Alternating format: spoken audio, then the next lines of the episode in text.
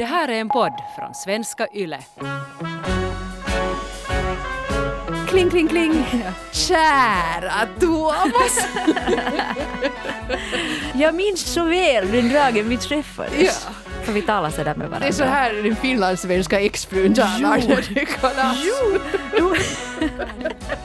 Det är collage om man dricker sin skumpa.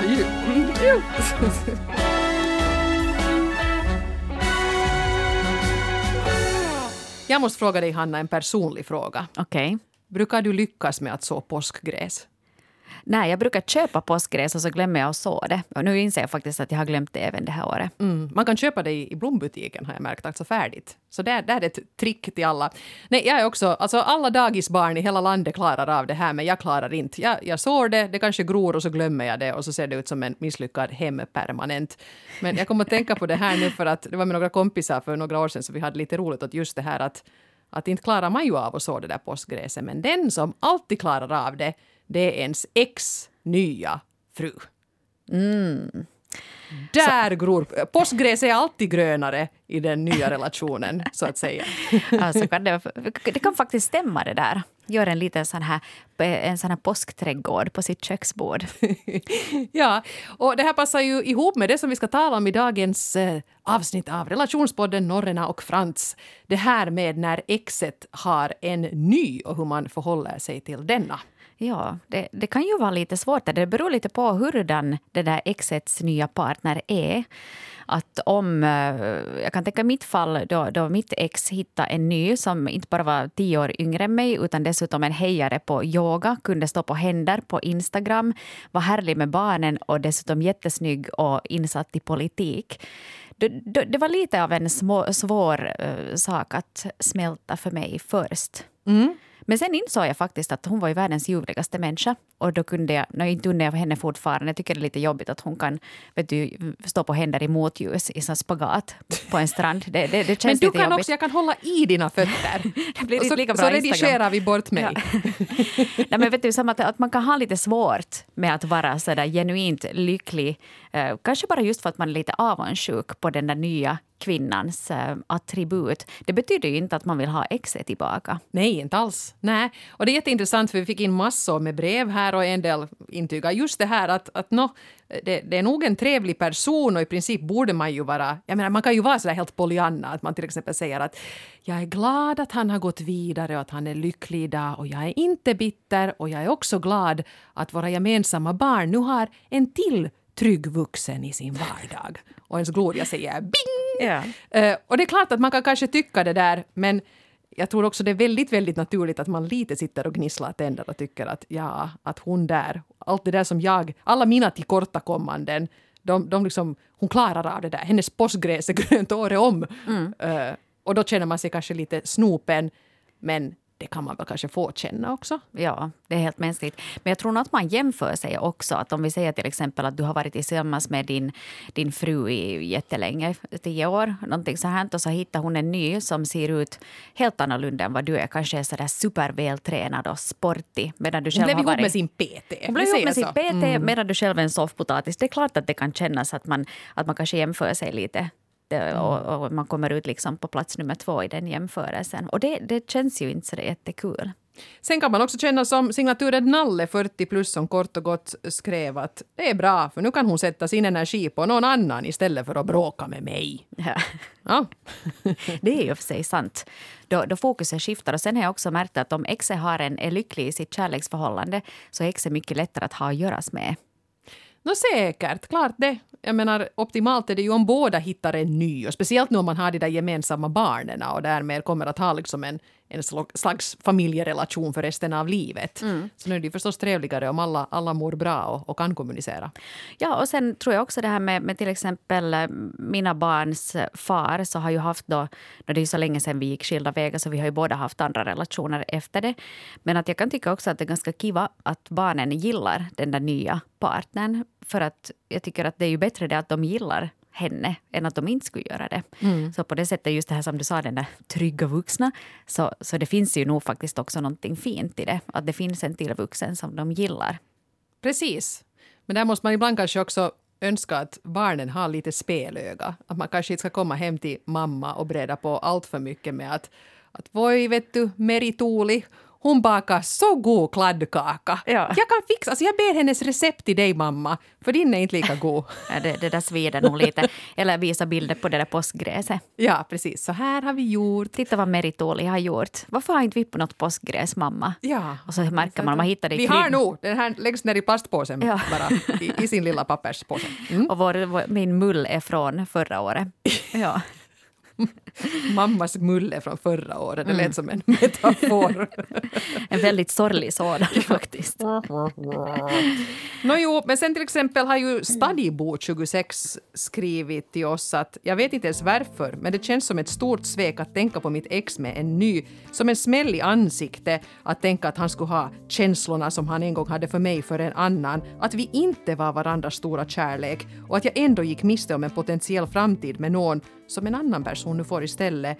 Fast samtidigt hade vi ju stora problem och till slut ville jag själv göra slut. Det kändes ändå så tudelat. Jag vill honom bara väl i livet, men att tänka på honom med den där nya gör mig lite sorgsen och svartsjuk. Fast det kanske förändras sen när jag har helats lite grann. Mm. Ja, jättemänskligt och, och superförståeligt att man känner så. För att eh, speciellt om man kanske hade tänkt sig en framtid med den där personen och uh, hen sen då istället målar upp den där framtiden med någon annan. Så det kan nog vara ganska svårt det också. Att liksom leva med det och att man måste inse att det var jag tänkte eh, om mitt liv sen inte blev en realitet i alla fall. Man, när man är i en relation så gör man ju liksom en, en emotionell investering så att säga. Man ger sig väl in i, en, i ett förhållande med tanken att nu ska det vara vi länge. Eh, och när den sen liksom bryts och någon annan tar över den så är det klart att det gör ont. Jag tycker man skulle vara lite underlig egentligen om man skulle stå helt känslokallt i det där att nå, pff, han gick vidare, allt är bra, jag bryr mig inte. Det är nästan lite onaturligt det.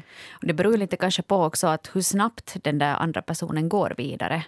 Att, att här som Stadibo skrev så, så att om, om det, det händer ganska snabbt så kan det vara ännu svårare att smälta det. Att sen att om det har gått en längre tid så kanske det inte är så besvärligt sen då man har liksom plockat upp sig själv. Jag kan slänga in här ett brev från Robin, 32, som skrev att efter sju år tillsammans så kan man tydligen hitta en ny efter tre veckor. Jag kunde inte förstå hur det var möjligt, för själv hade jag inte en tanke på att hitta någon ny då ännu. Nu när en tid har gått så har jag förstått att exet inte mådde bra och knappast gör det nu heller. Hon behöver konstant bekräftelse av alla runt omkring sig har Robin observerat då om sitt ex. Och det är ju nog alltså raskt marscherat att man efter sju år hittar en ny efter tre veckor. Jag undrar ju där att är det nu bara de där tre veckorna som det tog eller är det kanske någonting som har pågått tidigare också? Det kan man misstänka. Eller sen att, att det här exet faktiskt som han misstänker här är livrädd för att vara ensam. Att man kanske hoppar vidare till första bästa då. Kanske den där som man nu lite har haft en, en fyrt med på jobbet. Så man att ska vi bli ihop nu för jag är ledig? Och jag vill inte vara ensam. här är min nyckel. Kom. Eh, Du, du ser skrämmande ut när du säger så. Jag skulle inte våga bli ihop med dig. Lite manisk i blicken. Oj, Sådär. förlåt. Men alltså, vad tycker du, Eva, om det här med att eh, behöver det finnas liksom en sån här sorgetid efter ett förhållande? De brukar ju säga emellan att det tar halva tiden av förhållandets längd att komma över den där personen helt och hållet. Så om Robin då hade varit tillsammans med sitt ex i sju år tre och ett halvt år, det är en lång tid. Jag tycker att du behöver vänta. Men att eh, om någon dör så förgick man omkring i svarta kläder i ett år för man hade en sorgeperiod. Är det okej att byta lag sådär helt direkt? Eller, eller tycker du att man borde vänta? Ja, vad finns det nu för, för rätt eller... Jag menar, man måste ju följa sin, sin lycka på något sätt. Eh, men nu tycker jag ju kanske att det är lite väl snabbt att till exempel flytta ihop med någon efter bara några veckor. Eh, jag tycker också att, att det är en bra grej att göra för sig själv om man, om man har avslutat en relation. Att kanske bara liksom vara för sig själv och landa i det ett tag. Jag tycker också att det är schysst mot eventuella framtida partners. Att man liksom har låtit sig repareras. För det kan hända att går man så där snabbt vidare så kommer en massa onödigt bagage med från den där förra relationen för att man inte liksom hade på något sätt nollställt sig däremellan. Ja, eller man kanske använder den där nya partnern som någon typ av terapeut. Eller att man helt enkelt bara använder det där nya förhållandet som ett så kallat plåsterförhållande. Eh, att man bara vet du, tar till någonting för att det ska kännas lite bättre. Men sen i något skede tror jag nog ändå att man behöver dela med det. Och jag tror att alla människor, precis som du sa Eva också, att alla människor behöver vara kapabla att vara ensamma också. Att det här med att man handlöst kastar sig in i första bästa nya relation bara för att man inte vill vara ensam, så det låter inte jättesunt i min bok. Nej, men förstås, jag menar, är man, är man lite ledsen och lite skärrad och så dyker det upp någon som det känns lite kul och lite flirta med och, och kanske träffas och gå ut och ta en öl. Så inte tycker jag det är något fel i det. Men det här att liksom gå väldigt hastigt in i att göra den relationen väldigt seriös och på något sätt väldigt stadgad. Det tror jag kan bli tokigt. Och det är inte bara liksom det att det ska vara oschysst för den här före detta partnern utan det är också lite oschysst både mot dig själv och mot den här nya. Så jag skulle nu säga tvärsäkert, jag som aldrig ens har upplevt det här eftersom jag varit gift så länge, man behöver kanske inte ha en sorgeperiod men en liten egoperiod däremellan när man inte släpper in någon annan så långt. Mm. En egoperiod. Ja. Det, det, det tycker jag vi kör på. Uh, här har signaturen E EOC42 uh, också skrivit in angående det här med att bli lämnad och det dyker upp en ny. Skriver så här. Hon lämnade mig för honom för 12 år sedan. Det var oväntat och traumatiskt för mig och det blev mitt livs kris under flera år. I princip så flyttade jag ut och han flyttade in. Vi bodde på en liten ort och jag jobbade på samma jobb som mitt ex. Han fick mig att må väldigt illa av att se hans cykel eller bil utanför vad som hade varit vårt hus då jag skulle till jobbet på morgonen. Aj. Det slutade med att jag sa upp mig och flyttade bort från vad som hade varit paradiset. Nå, för tre år sedan så hälsade jag på dem i deras nya hus och då kunde jag faktiskt sitta vid deras bord och byta några ord med honom som gentlemän. Märkligt att jag kan det här idag, men känslorna har stillats. Jag undrar ibland över om det skulle ha varit möjligt för oss att bli om inte vänner så att åtminstone acceptera varandra eftersom vi båda bryr oss om henne och vill henne väl. Ja, jag tycker det här på något sätt lite bekräftar det som vi just satt och, och diskuterade här. Att det tror jag som gjorde mest ont här var att det gick så fort. Att det plötsligt var någon annans bil som stod utanför deras hus. Och att han inte heller riktigt kunde så här Ja, men det kan ju säkert vara skönast om man har ett brustet hjärta att man undviker den där eh, före detta så gott det går. Men om hon är på samma arbetsplats, så vad gör man? Det är ju jättesvårt. Och att hon sen ändå gick vidare så här fort, det är klart att det känns lite som ett, som ett svek, fast det nu inte är för- förbjudet på något sätt, men ändå.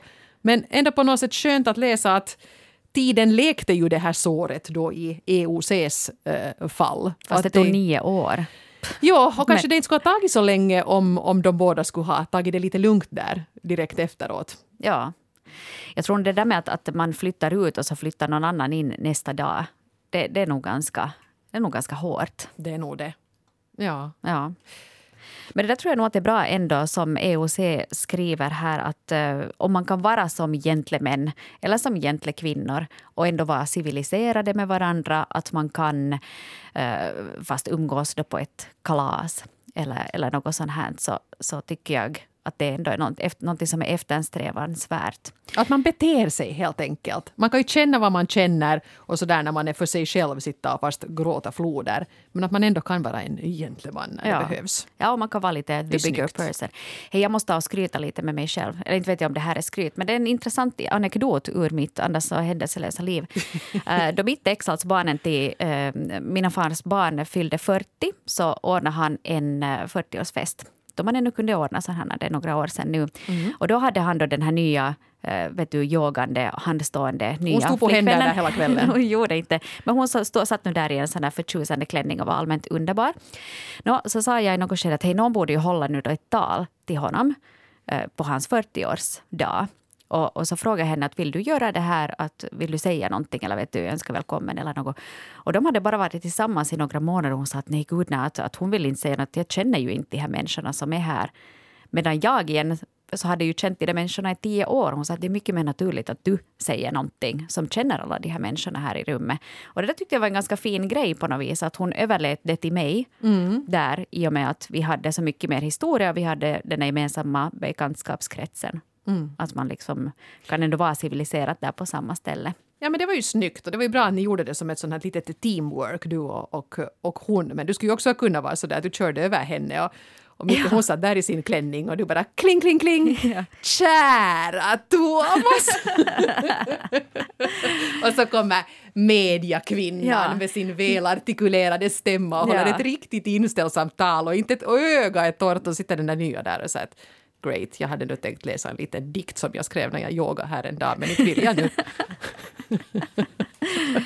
Det är sant. Det får man ju inte heller göra förstås. Men jag menar det där var fint. Ni, Ja. ni diskuterade och, och det där var er, er lilla strategi. Kära Thomas, jag minns så väl den dagen vi träffades. Ja, som jag alltid har sagt till dig. Ja. För vi talar så där med varandra. Det är så här den finlandssvenska exfrun talar när det är kalas. Jo, då... Det är kalas om man dricker sin skumpa. Jo. jo.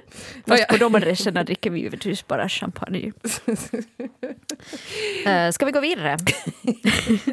Jag, jag, jag är ännu kvar där på Thomas 40-årsfest. Det var, det var roligt där. Jag börjar känna mig lite berusad nu. Ja. Nu, nu, nu ska jag släppa det. Eh, Och här har vi singelkvinna 22 som skrev Eftersom det var jag som gjorde slut med mitt ex så skulle det ju vara dumt av mig att vara avundsjuk på hans nya tjej. Jag tycker att de verkar ha det bra ihop och jag är ju glad för hans skull. Men klart att det ändå tar i hjärtat att se när han uppdaterar på Instagram att de har flyttat ihop och att de har så fint hemma. För det kunde ju ha varit jag. Ibland undrar jag om jag någonsin kommer att hitta någon som är lika bra som han. Och där är det trösterikt singelkvinna att du är 22, så du, du kommer att hinna. Helt säkert. Du kanske kommer hinna hitta flera ännu under din livstid innan du är 43 som jag. Vet du, det har hänt mycket sedan jag var 22 kan jag berätta. Tant Hanna kan intyga. Men det där är ju nog faktiskt, det det är ju flera av er faktiskt som har lite tangerat det här med sociala medier. Och så här var det ju inte för 20 år sedan, att då skilde man sig och sen kanske man någon gång såg ett foto som någon hade framkallat av ett vardagsrum där någon satt. Men nu har man ju hela tiden liksom, man har, ibland är det direktsändningar från exets vardagsrum för att hon gör sina yogavideor där. så att man liksom har ju en sån insyn på något sätt i åtminstone den bild de vill förmedla av Ja. sin relation och sitt hem och sin vardag. Och det är ju lite, det är lite knepigt. Det där är ju både liksom någonting härligt och samtidigt en förbannelse. Det här med att man verkligen kan stalka eh, andra människor på sociala medier.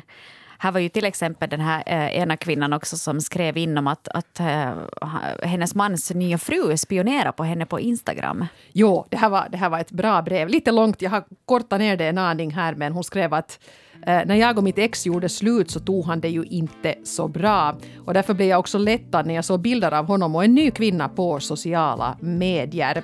Och då blev det också mycket enklare att få skilsmässobyråkratin att gå framåt. Och sen, mitt i allt, blev det till och med himla bråttom. Och då började han anklaga mig för att dra ut på processen. Här ska jag inflika att det var den här mannen som hade varit hemskt sölig med att skaffa fram vissa dokument och sånt här för den här skilsmässan, så det var därför det hade gått trögt i början. Det visade sig att han och hans nya de ville gifta sig ett visst datum. Men skilsmässoprocessen gick ju inte då mer att skynda på. Och det slutade sen med att de gifte sig en vecka efter det där datumet de hade hoppats på. Oj nej. Oj, nej. Oj nej. Jag råkade träffa dem båda tillsammans med min nya partner en gång, så jag hälsade. Den här partnern, eh, hon sa ingenting. Hon undvek ögonkontakt och gick iväg. Mitt ex stannade och småpratade med oss båda lite grann. Och så ursäktade han också att äh, hans partner är lite sån, vad det nu sen betydde. Kort därefter la jag märke till att hon hade börjat se på varenda story på Instagram som jag la upp, trots att hon inte följer mig. Hon måste alltså manuellt söka upp mig varje gång för att se dem. Jag kände mig obekväm med det här med tanke på hennes konstiga beteende när vi träffats så jag blockade henne. Jag hade en känsla av att någonting inte riktigt är som det ska där. Skriver tålamodet själv 31. Fin signatur. Alltså gud vad, vad pin. Alltså, ja, ni som inte ännu har märkt det här, om man lägger ut en Insta-story så kan man alltså se vem som har sett på den. Mm. Nu vet ni det, ni som brukar vara där och spionera Ja. och trodde att ni var osynliga. Man kan inte spionera. Eh, Och jag brukar ibland roa mig också med att, jag menar, Vi har ju så jättemycket följare, Eva, du och jag. Hanna Norrena och Eva Frans finns på Instagram. Där kan Det ni är följa galet. oss. Kalla Ja. mig Blondin Bella. Ja. Nej, men liksom där att, att om, du, om jag postar en story och, och jag ser då, så är det ju det är ibland lite roligt att se att vem som har tittat på den. Alltså att ja, den där gamla flamman gillar tydligen mina stories. Och ja, dens eh, fru eller den kollegan eller någon annan sitter alltid och tittar på mina stories. Att man kom, blir ju alltid fast för det. Det blir man ju och det är ju inget... Ja, men jag tycker att, att men det här behövs kanske en strategi. Hur ska jag förhålla mig till mitt ex och exets nya på sociala medier? För jag tycker ju inte heller, vill man sköta det här snyggt Följ den där personen du är jättenyfiken på. Se öppet på de där videorna och tryck kanske till och med dit ett litet hjärta eller en kommentar ibland att gud vad snyggt och sånt. Då verkar du ju vara en härlig och generös och inte minsta bitter person. Och, och då kan de ju inte på något sätt sätta dit dig. Sen att du i verkligheten sitter och ser på din telefon och säger alla fula ord du kan och dissar varenda bas och varannat värmeljus de har ställt fram. Det behöver du ju inte berätta åt dem. Nej. För du kan ju liksom bete dig väldigt sådär snyggt och, och på något sätt bjussigt. Det där är nog en bra strategi, att åtminstone sköta det snyggt utåt. Att sen kan du sitta och perkla dig tillsammans med din väninna då, eller någonting sånt om du behöver få ut det. Ja, och, just det där också som singelkvinna 22 som, som tittar på de här inredningsbilderna och tycker att oj, de har det ju så fint hemma och, och det där kunde ha varit mitt hem. Eh, nej, men titta bara och, och kommentera fast. Säg att oj vad ni har det snyggt. Menar, inte är det något fel på det. Ja. Men sen kanske man nu ska vara lite försiktig för det kanske inte är så hemskt bra för det egna välbefinnande att liksom sitta och, och älta ner sig Nej. i de där det som kunde ha varit och bilderna från deras perfekta hem för okej, här kommer en nyhet till. Det man ser på sociala medier är inte verkligheten. Mm. Allt handlar om bildvinklar där också. Ja. Och jag tror nog man kan bespara sig ganska mycket hjärtesorg också. Men du kan ju fast bara avfölja den där personen eller dölja den för ett tag. Jag tror inte heller att man behöver se en massa bilder på sitt ex med dens nya kärlek. Vet du, Åh, här är vi så lyckliga och bla bla bla. Och här är vi med barnen. Ja, men det där är ju en bra grej. Ja. med, med barnen. Nu har vi inte pratat så mycket om det ännu. Men till exempel, är det okej för det här, den här nya partnern att lägga ut bilder på barn som inte är dess egna, liksom sina bonusbarn då? Och när är det okej att börja göra det? Ja, no, det är väl inte okej att lägga ut bilder på barn överlag. Sådär om inte barnen är med på det. Nej, precis. Men, men eh, jag skulle nog se det som en ganska jobbig grej om vi säger nu då att, att mitt ex nya flickvän skulle sätta ut bilder på mina barn. Jag, tyck, jag skulle Nej, inte gilla det. påskpysslar och Ja. har det så mysigt. Ja. Ja. ja, men det har nu inte hänt i och för sig heller så, att, så det, är helt, det är helt lugnt. Nej, och, och sen tycker jag att i, i något skede tycker jag ju att det ska vara okej, inte sant? Om de har hängt ihop länge, de faktiskt har blivit liksom som en, som en familj där på sitt håll och ni har en god relation. Att de skulle fast fråga, att är det okej? Vad, vad har ni för liksom som en strategi med bilder på era barn och vad är ni bekväma med att, att jag lägger ut? Att, att det här var ju en, en lite rolig bild här nu när vi, när vi när man är på någon Ja. resa eller någonting. Men det är ju klart, för att det har gått en längre tid och det bildas liksom en ny familj så tycker jag absolut att då måste man ju kunna vara bjussig där och, och se den andra personen också som en tillgång för de där barnen. För att om det är en fungerande familj så är det ju den där nya faktiskt en tillgång för barnen också. Mm. Men det kan vara en lite så här bucklig väg innan man, innan man är framme vid den destinationen. Men det är ju toppen om man når dit. Hej, nu ska vi ta oss an här några riktigt eh, härliga brev ännu här på, på slutrakan. Och eh, vi skulle kunna ta och ta- inleda med flickan från landet, 28. Ja, det ska vi. Usch, det här är, det här är ett hemskt brev. Jag, jag stålsätter mig och Hanna läser. När jag och mitt ex skilde oss så bestämde vi oss för att skiljas som vänner.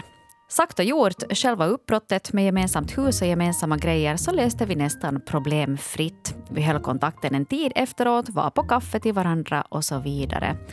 Men kort därefter så inledde han ett förhållande med min bästa vän, min barndomsvän. Hon som har piggat upp mig i min nya lägenhet, hon som själv har gått igenom en skilsmässa bara någon månad tidigare. Henne har jag tröstat kväll efter kväll på grund av att hon saknade sitt ex. Och plötsligt hänger hon tillsammans med mitt ex. Jag bröt kontakten med dem båda. Jag klarade inte av den konstellationen. Det kändes som ett enormt svek. Och det finns ju en oskriven regel. Vänners ex så rör man inte. Jag blir illamående av bara tanken. Hur länge hade den här grejen egentligen pågått? Hade den pågått bakom min rygg kanske? Det har nu gått ett år och jag vill inte ha någonting att göra med min före detta bästa vän. Mitt ex däremot så saknar jag ibland och minns våra goda minnen för vi hade ändå varit tillsammans i elva år. Så skriver flickan från landet. Mm. Oj, de var jätteunga när de blev ihop. Om det har gått ett år, de var ihop i 11 år och hon ändå också bara är 28. Så det här var alltså riktigt en sån här high school sweetheart-grej. Mm. Men det är ju Åh. stora känslor då. Vet du, den första stora kärleken och du har varit tillsammans i 11 år. Jag förstår att det känns jäkligt sugigt sen då ens bästa vän far iväg med honom. Nå, verkligen, och, speciellt som den där vännen ändå på något sätt hade hållit sig kvar där och kanske till och med hade lite dåligt samvete och därför ville pejla läge och var där och trösta och fixa och, och liksom inte kunde på något sätt välja sida då. Kanske hellre då säga att "Nå, nu gick det så här och nu blev vi kära. Förlåt jättemycket. Eh, Men inte att vara där och åh vilken ljuvlig ny lägenhet, åh vad jag saknar mitt ex och nu behöver jag tröst. Det, var, nåja, det, det blev riktigt på något sätt klottigt det här.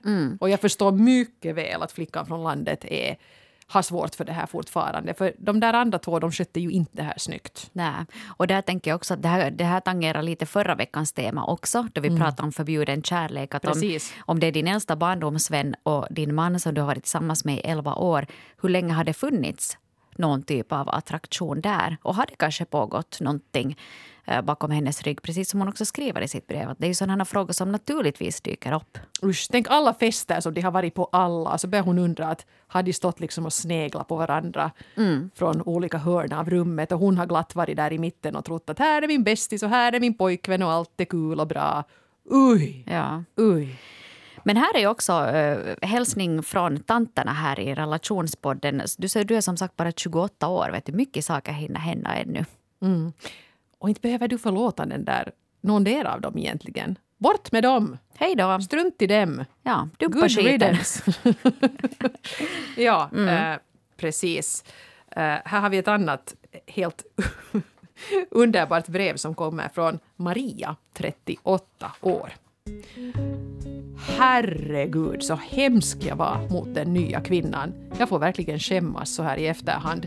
Skilsmässan var inte ens hennes fel, men jag skickade sms både till henne och till mannen som inte tålde dagsljus. Vår femåriga dotter fick ensam gå ut och möta pappa i trappan för vi kunde inte se på varandra, så dottern fick agera budbärare. Och sen blev den nya kvinnan gravid och vår dotter kallade henne för Äiti. Jag flippade big time. Allting var så hemskt och jag var så grym mot dem. Det vände sakta men säkert och jag insåg ju att alla mår bäst av att komma överens. Och numera kommunicerar jag och mitt ex bra och den här nygamla kvinnan tar jag en lunch med ibland. Vi utbyter bilder och även jag kallar henne numera Äiti. Den nu tioåriga dottern behöver inte längre oroa sig över att inte kunna prata om dem med mig och alla kommer överens. Så sorgen finns ju nog kvar, men bitterheten är till all lycka borta.